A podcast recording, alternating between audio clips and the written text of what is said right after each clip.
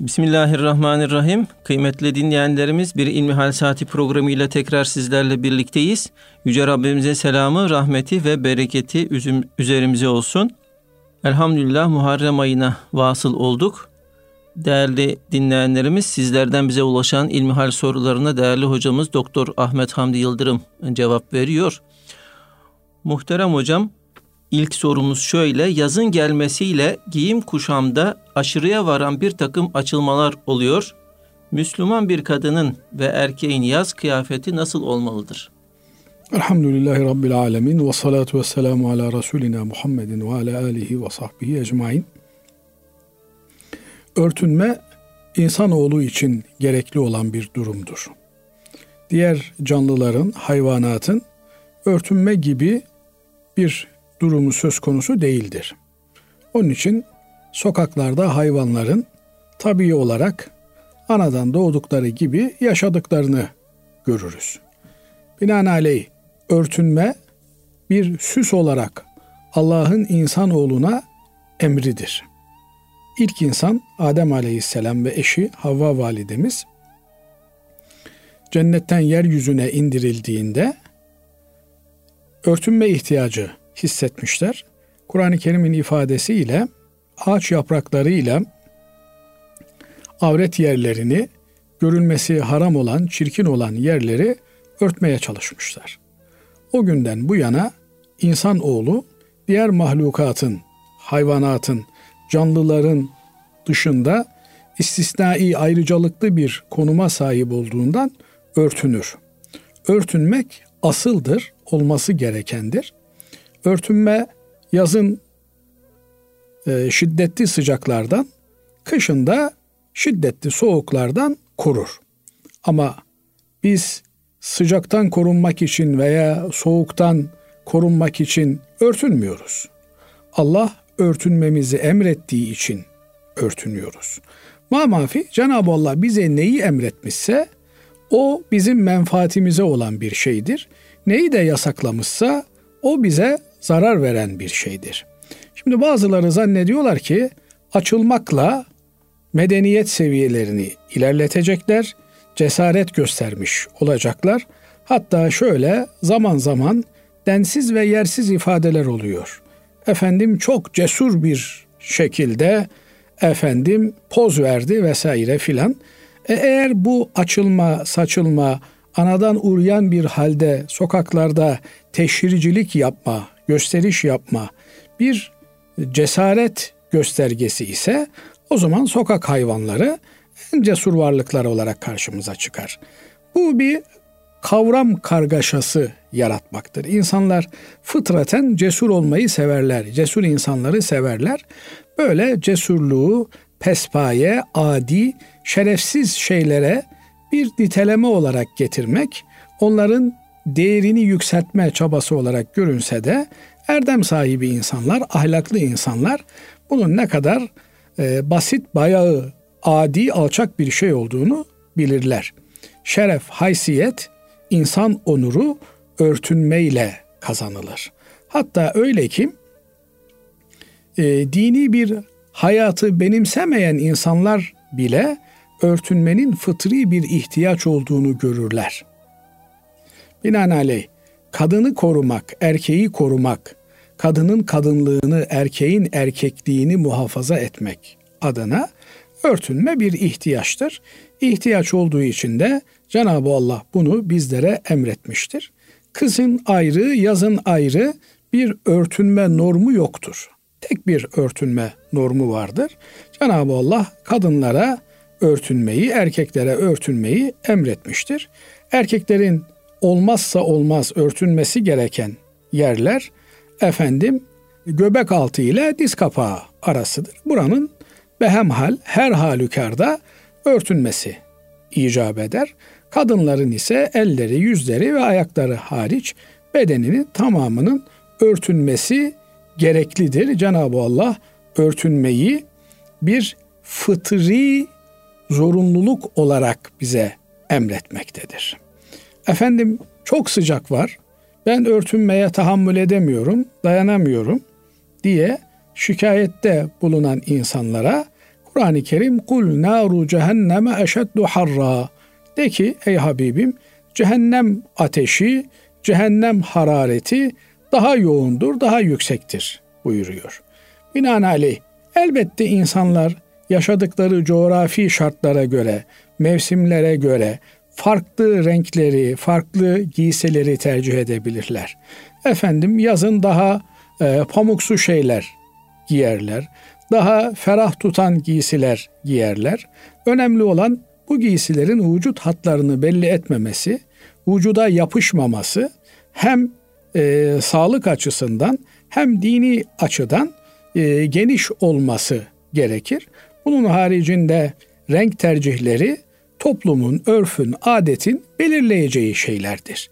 Yine giyim kuşam tarzları örfün hakim karakterini yansıtır tarzda olmalıdır. Erkekler erkek gibi, kadınlar da kadın gibi giyinmelidirler. İnsanlar örtünmesi gereken bir yeri açmayı maharet zannetmemelidirler. Fakat şu da var ki Basri Hocam, tabii e, ben yakınlarda bir Orta Doğu ülkesine gittim. Orada şunu gördüm. Osmanlı İmparatorluğu'nun bir Türk devleti olarak 5 asırda yapamadığını 4-5 tane Türk dizisi yapmış.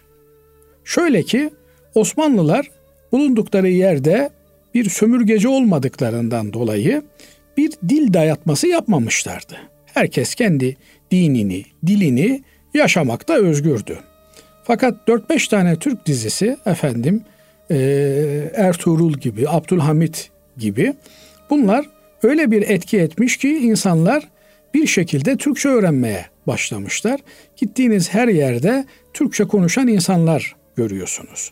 Aynı şekilde maalesef e, Türkiye'de efendim film ve dizi sektörünü elinde bulunduran insanlar bunlar dini hassasiyetleri olmayan, sadece parayı düşünen, sözüm ona kendilerini muhafazakar olarak da tanımlayan bu insanlar para geldiği için insanların e, kahir ekseriyeti böyle istedi diyerek maalesef insanların toplumun ahlakını bozacak diziler, filmler üretmekle meşguller.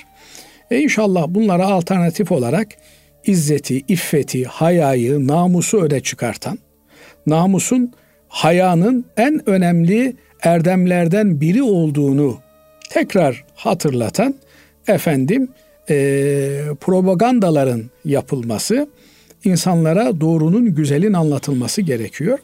Haya hayattır, unutmamak lazım. Yani hayanın olmadığı, utanma, arlanma, namus duygusunun olmadığı bir toplumda her şey tepe taklak olur. Dolayısıyla insanları insan yapan en önemli duygu haya duygusudur. Haya duygusu da örtünmeyle başlar. Onun için bir çocuk ne zaman örtünme ihtiyacını hisseder, o zaman aklı ermeye başladı diye tanımlanır. Bu yönüyle de örtünme duygusunu çocuklarımıza küçük yaşlardan itibaren aşılamamız lazım. Onların haya ile yetişmelerini temin etmemiz lazım. Bazen toplumda e, yanlış olarak yapılan şeyler oluyor. Bunlardan bir tanesi de erkek çocuğuna sanki haya lazım değilmiş gibi efendim ona örtünmek gerekmiyormuş gibi bir takım ileri geri laflar edilebiliyor. Erkeğin de kadının da hayalı olması gerekir. İnsan önce Rabbinden haya etmeli. Sonra kendinden haya etmeli. Yani bir insanın bir özelinin olması lazım. Yani her şeyini göstermek, her şeyini ortaya dökmek hiçbir zaman ilericilik, cesaret vesaire diye nitelendirilecek şeyler değildir. Bir insan kendisini ne kadar saklarsa, ne kadar ağırdan davranırsa o kadar makbul olur. Bakın e, İstanbul'un bir döneminde işte Konstantin zamanlarında İstanbul'da hayasızlık, arsızlık o kadar ileri gitmiş ki bir kitapta okumuştum. Ne kadar doğrudur değildir bilmiyorum ama dikkat çeken bir husus olduğu için aklıma gelmişken ifade etmek isterim. Fatih'te Kız Taşı diye bir anıt vardır. Burayı yaptıran kişi artık e, fuhuşun, hayasızlığın, açıklığın o kadar ileri gitmesinden halk şikayet etmeye başlayınca gece kadınların tek başına sokağa çıkmalarına yasak getirir. Ceza olarak da idam edileceklerini ferman buyurur. Olacak ya o gece tek başına baldızı sokakta zaptiyeler tarafından yakalanır. Mecbur onu e, cezalandırmak durumunda kalır ve onun hatırasına da işte o kız taşını Fatih'e yaptırır diye yine e, belediyemizin yayınlarından birinde bir şey okumuştum. Bu doğrudur veya değildir ilgilerinin uzmanlık alanına belki girer ama şunu ifade etmesi bakımından önemli. Açıklık saçıklık kontrolden çıktı mı artık herkesi rahatsız eder hale gelir. Dolayısıyla insanlara erdem duygusunu, ahlak duygusunu, ar duygusunu, namus duygusunu, kıskanma duygusunu. Şimdi mesela kıskanmamayı bir medeniyet olarak zannediyorlar. Efendim bir baba e, çocuğunu kıskanmıyor, hanımını kıskanmıyor, bir bey hanımını kıskanmıyor. Yahu eskiden sokakta sokağın namusu bizden sorulur diye külhan beyleri vardı. Ve kimse o sokağın kızına yan gözle bakamazdı. Gerçi sokağın kızı da bana baksınlar diye bir çabanın içerisinde olmazdı. Dolayısıyla e, erdem, ahlak, haya güzel bir şeydir. E, erdemli olmak, hayalı olmak makbul bir şeydir. Bu duyguyu yıpratmamak lazım. Onun için e, harama düşmemek, cehennemle burun buruna gelmemek lazım. Sonra yavrum yani kime gösteriyorsun? Yani ne diye teşhir ediyorsun kendini? Yani ben acıyorum bu çocuklarımıza, kadınlarımıza. Ama e, bakıyorum sebebine e, 24 saat bir bombardımanın altındalar. Cesaret olarak, zenginlik olarak, medeniyet olarak böyle bir hayat tarzı dayatılıyor.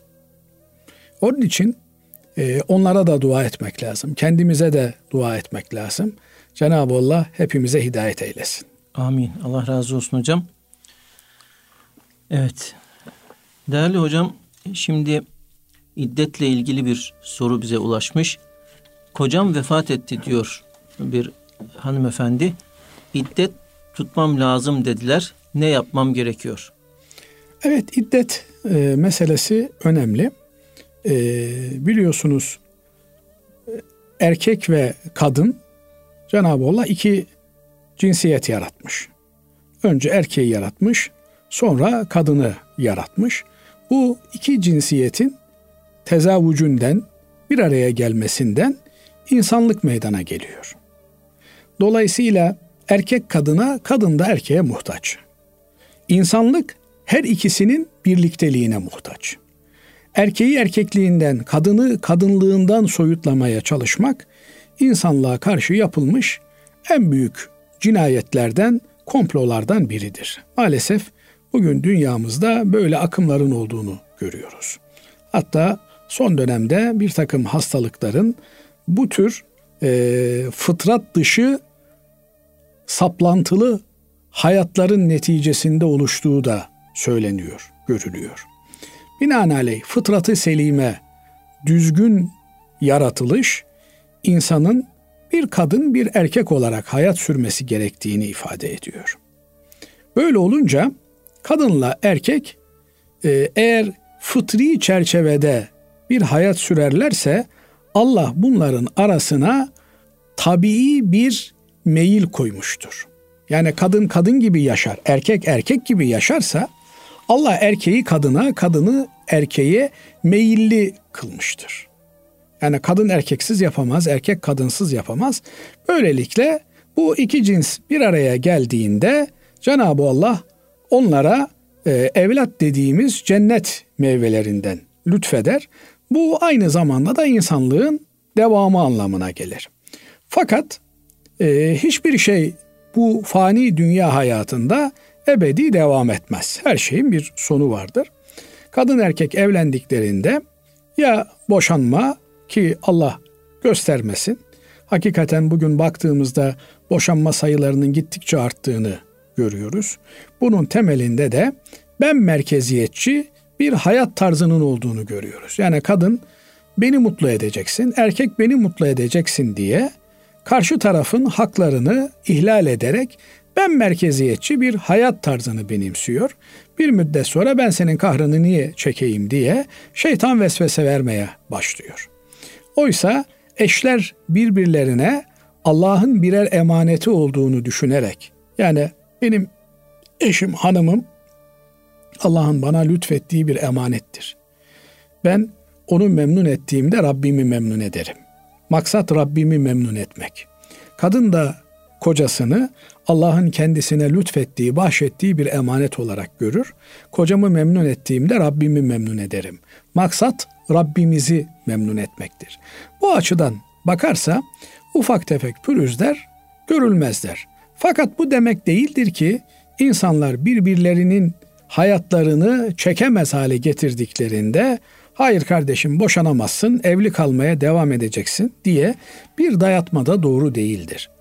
Asıl evlenmek haksa boşanmak da, boşamak da haktır. Böyle bir durumda e, kadın evin temel unsuru olduğu için aile hayatının, insanlığın devamının ana unsuru kadın olduğu için e, eşinden ayrıldığında boşanma veya eşinin ölümü sebebiyle e, ayrıldığında bir iddet beklemesi gerekir. İddet saymak demektir. Kadının belli bir müddet ikinci bir evlilik yapmasına engel bir durum söz konusudur. Eğer kocasından boşanmışsa, kocası hayattaysa o zaman takriben 3 ay kadar bir süre evlenmeden bekler. Buna iddet diyoruz. Eğer kocası ölmüş ve bundan dolayı bir ayrılık meydana gelmişse o zaman kabaca 4 ay 10 gün bir süreyi beklemesi gerekir. Bu bekleme işi bir sayıya bağlandığı için saymak anlamına gelen iddet kelimesiyle tanımlanmıştır.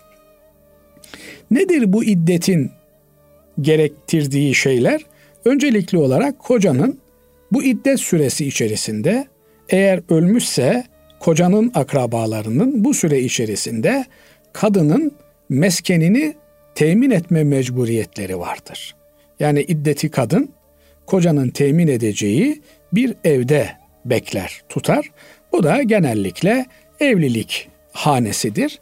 Ee, burada kadın iddetini bekler. Bu süre içerisinde de iaşesi, geçimi kocaya, koca ölmüşse de kocanın mal varlığından karşılanmak üzere tanzim edilir. Ayrıca bu dönem zarfında evliliği akla getirebilecek olan şeylerden de kadının uzak durması gerekir. Efendim süslenmek, büslenmek, düğün derneklere gitmek vesaire bunları yapmaması istenir. Onun yerine e, normal tabii hayatını bir tür e, koca nimetinden mahrum kalmanın yasını tutar vaziyette evinde beklemesi istenir. Süre dolduktan sonra da artık evlenmesine mani bir durum kalmamıştır. Böyle bir aşamaya gelindiğinde de efendim uygun biri söz konusu olursa onunla da evlenmesi doğru olandır. Şimdi kadınlarımız evlenmekten de kocaları vefat etmiş veya dul kalmışlar. Evlenmekten de imtina ediyorlar. Erkeklerimiz de evlenmekten imtina ediyor. Bu doğru bir davranış değildir. Fıtri olan bir şey değildir. Cenab-ı Allah kadını erkeğe, erkeği kadına adeta bağlamıştır. Binaenaleyh benim e, artık şuna buna ihtiyacım yok diyerek bu evlilik birlikteliğini yok etmemek gerekir. İnsanların ihtiyaçları sadece fizyolojik ihtiyaçlar değildir. Psikolojik ihtiyaçları da vardır. Yalnızlık Allah'a mahsustur der bizim Anadolu insanı. Hakikaten öyledir. Binaenaleyh bu e, süreye iddet denilmesinin bir anlamı da Basri Hocam kadın bir an önce iddetinin bitmesi için nasıl askerdekiler şafak sayarsa kadın da şafak sayar anlamına iddet denilmiş. Niye? Çünkü yalnızlık Allah'a mahsus. Dengini bulduğunda, uygun birini bulduğunda onunla evlenmeye niyetli olur. Ama uygun birini bulamadı. illa da kim çıkarsa karşına onunla evleneceksin diye bir mahalle baskısı da doğru bir şey değildir. Bazen öyle oluyor. Olabilir. Cenab-ı Allah kimilerinin e, efendim uzun süre beklemelerini murad etmiş olabilir. İşte kızım sen hala 18 yaşına geldin hala evlenmedin mi? Oğlum 18 yaşına geldin hala evlenmedin mi? Yok 20'sine geldin bak 21'inde vakit kaçıyor diye böyle bir e, baskı da doğru değildir. Eğer tavsiye edeceğiniz biri varsa bu tavsiyenizi yaparsınız. Kızım bak şöyle biri var el ayağı düzgün ekmeğini de kazanabiliyor. İstersen bir görüş gönlüne yatarsa, aklına uyarsa onunla evlenirsin diye tavsiyede bulunulur. Ama böyle bir tavsiyede bulunmadan veya böyle bir sorumluluğu almaya hazır olmadan bazıları da bu işten kaçarlar Basri Hocam. Yani aman efendim olursa Allah'tan olmazsa benden bilecekler. Dolayısıyla niye ben kendimi riske edeyim filan diye kaçınırlar. Doğrudur. Yani bu tür şeylerin e, aracı olmanın, çöp çatanlık yapmanın çok zahmetli tarafları vardır. Ama bir işi Allah için yapıyorsa bir insan, bir karşılık beklemiyorsa bunu yapması Allah için yapması gerekir. Cenab-ı Allah e, hani Anadolu'nun yine güzel sözlerinden bir tanesi iyilik yap denize at, balık bilmezse Halik bilir sözüdür. Bundan da kaçınmamamız, geri durmamamız gerekir. Mamafi e, iddet denildiğinde akla gelen ilk şey kadının o süre bitinceye kadar bir başka evlilik yapmaması meselesidir. Bunun temelinde de hamile olabilir, önceki kocasından efendim bir çocuk sahibi olabilir.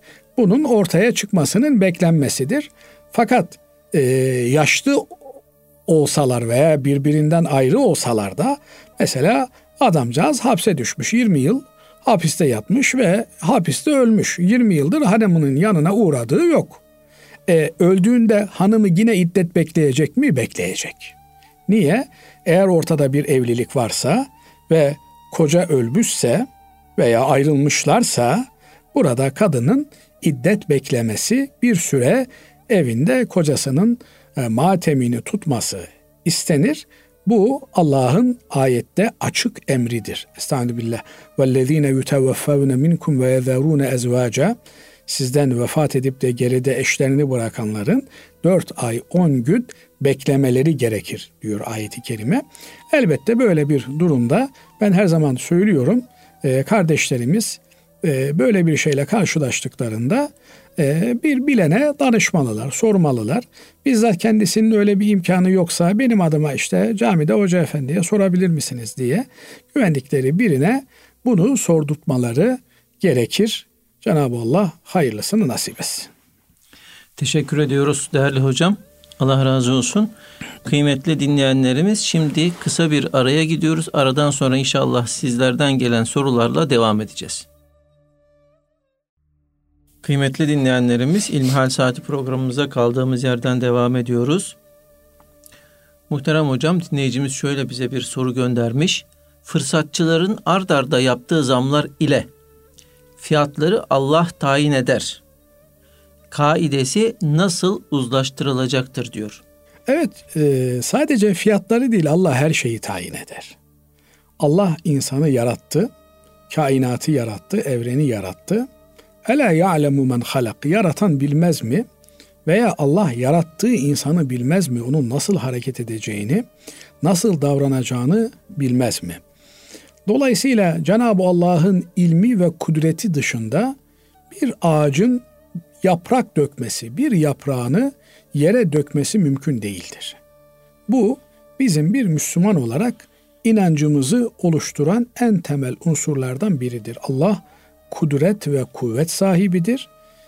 İlmiyle her şeyi kuşatmıştır. Her şey Allah'ın elindedir, Allah'ın kudretindedir. Şimdi fiyatları koyan Allah'tır ifadesi hadisi şerifin bir parçasıdır. Medine'de kıtlık olduğu bir dönemde insanlar Hazreti Peygamber aleyhissalatü vesselam Efendimiz'e gelirler. Ya Resulallah nar koy derler. Yani fiyatlara bir üst limit belirle. İşte üzüm 25 liradan satılsın, hurma 30 liradan satılsın, efendim soğan 1 liradan satılsın, fiyat belirlemesi yap derler. Efendimiz Aleyhisselatü Vesselam da Ben kul hakkıyla Allah'a gitmekten çekinirim. Allah'tır fiyatları alçaltan ve yükselten, fiyatları belirleyen der. Nasıl olur bu? Şöyle, bu efendim iktas, iktisat ilminin en e, başlangıç konularından biridir. Fiyatlar arz ve talep dengesine göre oluşur.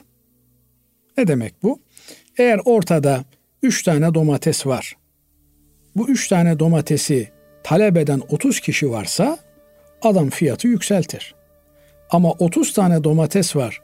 3 kişi domates istiyorsa o zaman fiyatlar düşer. Niye? Arz bolluğu vardır piyasada. Mal çoktur, ürün çoktur ama talep yoktur. Böyle olunca da fiyatlar düşer. Bugün Türkiye'mizde ise hakikaten e, ekonomi ilminin e, verileriyle uyuşmayan bir takım olaylar gerçekleşiyor. Bir yandan arz var, bir yandan talep var. Yani arz patlaması var, talep patlaması var. Şu kadar ki dünyaya açılan bir ekonomi olduğu için Türkiye bütün dünyaya yetecek ürün üretebilecek durumu yok. Binaenaleyh bugün işte Kastamonu'da bir tavuk çiftliğinde üretilen yumurta dünya fiyatlarına göre fiyatlandırılıyor. Ama ne oluyor? Bir veba oluyor, bir pandemi oluyor, pazarlar kapanıyor. Dolayısıyla yumurtayı dışarıya ihraç etme imkanı olmuyor. E böyle olunca da fiyatların içeride arz bolluğundan dolayı düşmesi gerekiyor. Bu e, arz ve talep dengesi Cenab-ı Allah'ın e, takdiriyle gerçekleşen bir şeydir. Mesela bugünlerde ne konuşuyoruz? Ayçiçekte e, kalite yüksek, rekolite yüksek diye ne olmuş? E, uygun yağmurlar yağmış, uygun hava koşulları oluşmuş. Dolayısıyla e, bir ton beklenirken beş ton verim olmuş. Bunun anlamı arz fazlalığı oluşmuş demektir.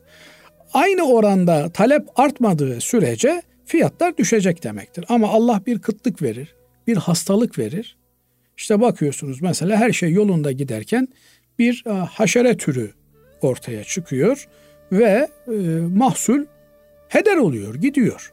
Bunlar hepsi Allah'ın takdirinde olan şeylerdir. Binaenaleyh e, insanın yapması gereken elinden geleni yapıp takdiri Allah'a bırakmaktır. Bunun anlamı şu değil. Siz yatın, fiyatları Allah belirliyor. Siz yatarken Allah fiyatları düşürecek. Bunun anlamı bu değil. Siz çalışsanız da, çabalasanız da sonuca asıl tesir eden Allah'ın iradesidir. İşte Türkiye'nin çabalarıyla bir tahıl koridoru oluşuyor. Gelen bir iki tane gemiye bir mayın isabet edecek olsa tekrardan fiyatların arttığını göreceğiz. Binaenaleyh bu işin takdir düzeyi Cenab-ı Allah'ın elinde olan bir şeydir. Cenab-ı Allah daha böyle e, anlaşılır olarak ifade edeyim. Eğer bir ülke halkını Allah seviyorsa onların başına hayırlı bir idareci getirir. Eğer sevmiyorsa zalim birini getirir, kendini düşünür, halkını düşünmez, kendi saltanatının derdinde olur. Dolayısıyla bir halk eğer Allah'a karşı vazifesini yerine getirmezse o zaman dünya ile imtihanları daha büyük olur. Fakat bu olayı e, yerli yerinde anlatamadığımızda insanların e, akıllarında farklı şeyler oluşabiliyor. Mesela e, yine ne oluyor? Doktora gidiyor, doktor bana şifa verdi diyor. Doktor şifa vermez, doktor ilaç verir. Eğer doktor şifa verecek olsaydı her doktora giden iyileşmesi gerekirdi. Ama öyle değil. İşte yapılan e, araştırmalar, istatistikler gösteriyor ki işte Amerika ile ilgili en son duymuştum. Ölüm sebeplerinin başında tıbbi hatalar geliyor. Yani doktorların yanlış teşhis, teşhisleri ve yanlış tedavileri geliyor. Eğer doktor şifa verecek olsaydı insanların çoğu doktor hatalarından ölmezdi. Doktor ilaç verir. Şifayı Allah verir. Yani burada doktorun kalbine, gönlüne de hastalığın teşhisini ilham edecek olan Cenab-ı Allah'tır. Ben bizzat kendim yaşadım Basri Hocam. Babam rahmetli hastaneye düştü. E, beyin kanaması geçirdi. Mide kanaması teşhisiyle yatıyorduk. O gün oradan geçen bir asistan selam verdi. Neyi var hacı amcanın dedi. Şöyle bir baktı. Efendim raporlarına baktı. Bu amca beyin kanaması geçirdi herhalde dedi. Ondan sonra beyin kanaması ile ilgili tetkikler istendi ve hakikaten de beyin kanaması geçirdiği anlaşıldı. Dolayısıyla koca koca profesörlerin koyamadıkları teşhisi bir asistan koyabiliyor. Niye? Doktorların Allah'la olan irtibatlarının sağlam olması lazım. Ama bugün maalesef e, çoğunu tenzih ederim ama bir kısım doktorlarımız kendilerini Tanrı yerine koyuyorlar. İşte ben şifa veriyorum, bilmem şunu yapıyorum, bunu yapıyorum diyorlar. Şifayı vermek Allah'a mahsustur. Doktor ilaç verir. Binaenaleyh tohumu serpmek çiftçiye aittir. Mahsulü Allah verir. İşte fiyatı Allah koyar demek budur. Eğer Allah çok mahsul verirse, hava şartları iyi giderse, iklim güzel devam ederse, efendim don vurmaz, kırağı vurmazsa iyi mahsul alınır. İyi mahsul, bol mahsul olduğunda da fiyatlar düşer. Ha bir şey daha var. Tabi ahlaklı kabzı mallar bu da Allah'ın takdiriyledir. Yani siz e, Allah'ın diniyle insanları yetiştirirseniz bakın 100 yıldır ülkemizde laik seküler bir eğitim sistemiyle insan üretiliyor. Çıktığımız seküler eğitim, tevhidi tedrisatla tek bir eğitim sistemi var. Bu sistemin çıkarttığı işte nesillerin e, bugün insanlar onu beğenmiyor, bunu beğenmiyor ama bu sistemin ürünü bu. Dolayısıyla adam fiyat düşmesin diye bakıyorsunuz domatesleri denize dökebiliyor. Binaenaleyh Allah'ın muradına göre bir toplum şekillenirse açlık olmaz mı, kıtlık olmaz mı olur ama herkes aç olur. Bolluk oldu mu herkes de bolluk olur. Problem ne bugün? Birileri aşırı şişiyor, öbürüleri bir diğeri yiyecek bir şey bulamıyor. Dolayısıyla işin sorun olan kısmı burası. Bunun için de e, Allah'ın istediği bir toplum haline gelmek durumundayız. Allah razı olsun hocam. Efendim şimdi bir dinleyicimiz şöyle bize yazmış. Ben 53 yaşındayım. Babam 9 yaşındayken vefat etti. Biz 3 kız ve annemle kaldık. İslam hukuku miras konusundan bir haber olan ailemiz mal taksimi yapmamış. Yani 44 senedir babamın her türlü menkul ve gayrimenkul e, elden çıktı. Sonunda e, bir evimiz kaldı diyor. Bu evinde e, büyük ablası oturuyormuş değerli hocam. Evde oturan en büyük kız kardeş e, ben de en küçüğüm diyor. İhtiyacımız var diyor. E, bu evi e, nasıl paylaştıracağız diyor. Son kalan miras olarak babasından e, nasıl paylaştıracağız diyor. Şimdi tabii başını da sonunu da Allah'ın emrettiği gibi paylaştırmak gerekiyor. Ee, ama başında öyle yapmamışlar. Kim ne almış, ne etmiş, kime ne harcanmış bunlar belli değil. Binaenaleyh önce başında bir e, kimin ne hakkı var bunun tespit edilmesi. Sonra kim ne almış, ne almamış bunların tespit edilmesi. Alacaklı olanların borçlu olanlardan alacaklarını tahsil etmeleri veya helalleşmeleri. Eğer ortak bir tüketim olmuşsa da e, son kalan şeyi de ortakça kullanmaları, ortak olarak ondan istifade etmeleri gerekir. Binaenaleyh ölüm hak, miras helaldir denilmiş. Evet, e, bir insan öldükten sonra hal birkaç gün hadi bir hafta beklenir diyelim. Ama mutlak surette ondan sonra veraset ilamının çıkartılması ve miras taksiminin yapılması gerekir. Bugün yaşadığımız e, topraklarda, ülkemizde miras taksimatı Batı hukukuna göre yapılıyor. Fakat bir Müslüman ahirete inanan bir kimse e, bunun tedbirini almak durumundadır. Nasıl namaz kılıyorsak, oruç tutuyorsak miras da nasıl bölüneceği Kur'an-ı Kerim'de açıkça beyan edilmiş olan bir rejimdir, bir sistemdir. Buna göre tedbirimizi almamız ve ölmeden bir vasiyetle bunu e, yürürlükteki mevzuata uygun bir şekilde e, belgelememiz gerekir. Böylelikle de biz öldükten sonra kadın olsun, erkek olsun, efendim, baba olsun, çocuk olsun bu zaman zaman değiştirilebilecek bir şeydir vasiyet. Bunun tanziminin yapılması gerekir. Efendim ben öldükten sonra Allah'ın Kur'an'da beyan ettiği şekilde hanımım şunu alacak malımdan, kızlarım şunu alacak, erkek evlatlarım şunu alacak vesaire diye bir miras e, bölüşümünü vasiyet olarak bırakmak gerekir. Niye? Çünkü e, biz öldükten sonra mal üzerinde bir tasarruf hakkına sahip değiliz. Ölene kadar mal üzerinde bir emanetçi olarak tasarruf hakkına sahibiz. Öldükten sonra mal asıl sahibine Cenab-ı Allah'a intikal ediyor. Cenab-ı Allah da bunu mirasçıları arasında, ölenin mirasçıları arasında bölüştürüyor. İslam hukukunun cari olduğu dönemde Allah'ın Kur'an-ı Kerim'de beyan ettiği şekilde bölüştürülüyordu.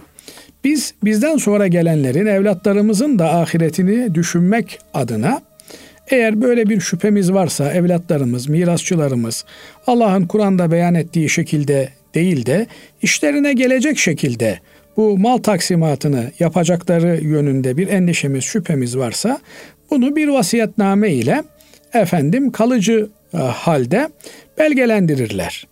Böylelikle hem kendileri öldükten sonra hem de çocukları babalarının efendim veya işte eşlerinin e, mirasıyla ilgili keyfe keder bir tasarrufta bulunmuş olmazlar.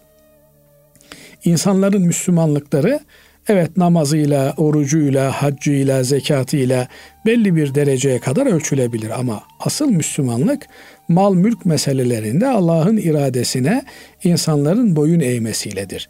Memleketimizin öyle bölgeleri var efendim mirastan kadınlara pay vermezler. Öyle bölgeleri var e, erkek kardeşler en büyük erkek kardeş mal varlığını zapturapt eder kimseye bir şey vermez. Yetimlere verilmez, şuna verilmez. Oysa bunların hepsi ahirette sorumluluk doğuran şeylerdir. İnsan dünyalık olarak fedakarlık yapmasını bilmeli. Sahabe-i kiram efendilerimizin Müslümanlığı kısa bir zamanda üç kıtaya yaymalarının altında dünyalığa metelik vermemeleri, ahiret bakış açısıyla olayları değerlendirmeleriydi. Efendim onlar da biz işte evimizde oturalım, tarlamızda, bağımızda, bahçemizde meşgul olalım, hurma yetiştirelim diye otursalardı evlerinde bu fetihler İslam'ın bütün dünyaya yayılması mümkün olmazdı. Bugün Allah bize ne imkan vermişse o imkanlarla Allah'ın dinini yeryüzünün her köşesine hakim kılmak için gayret etmemiz gerekiyor.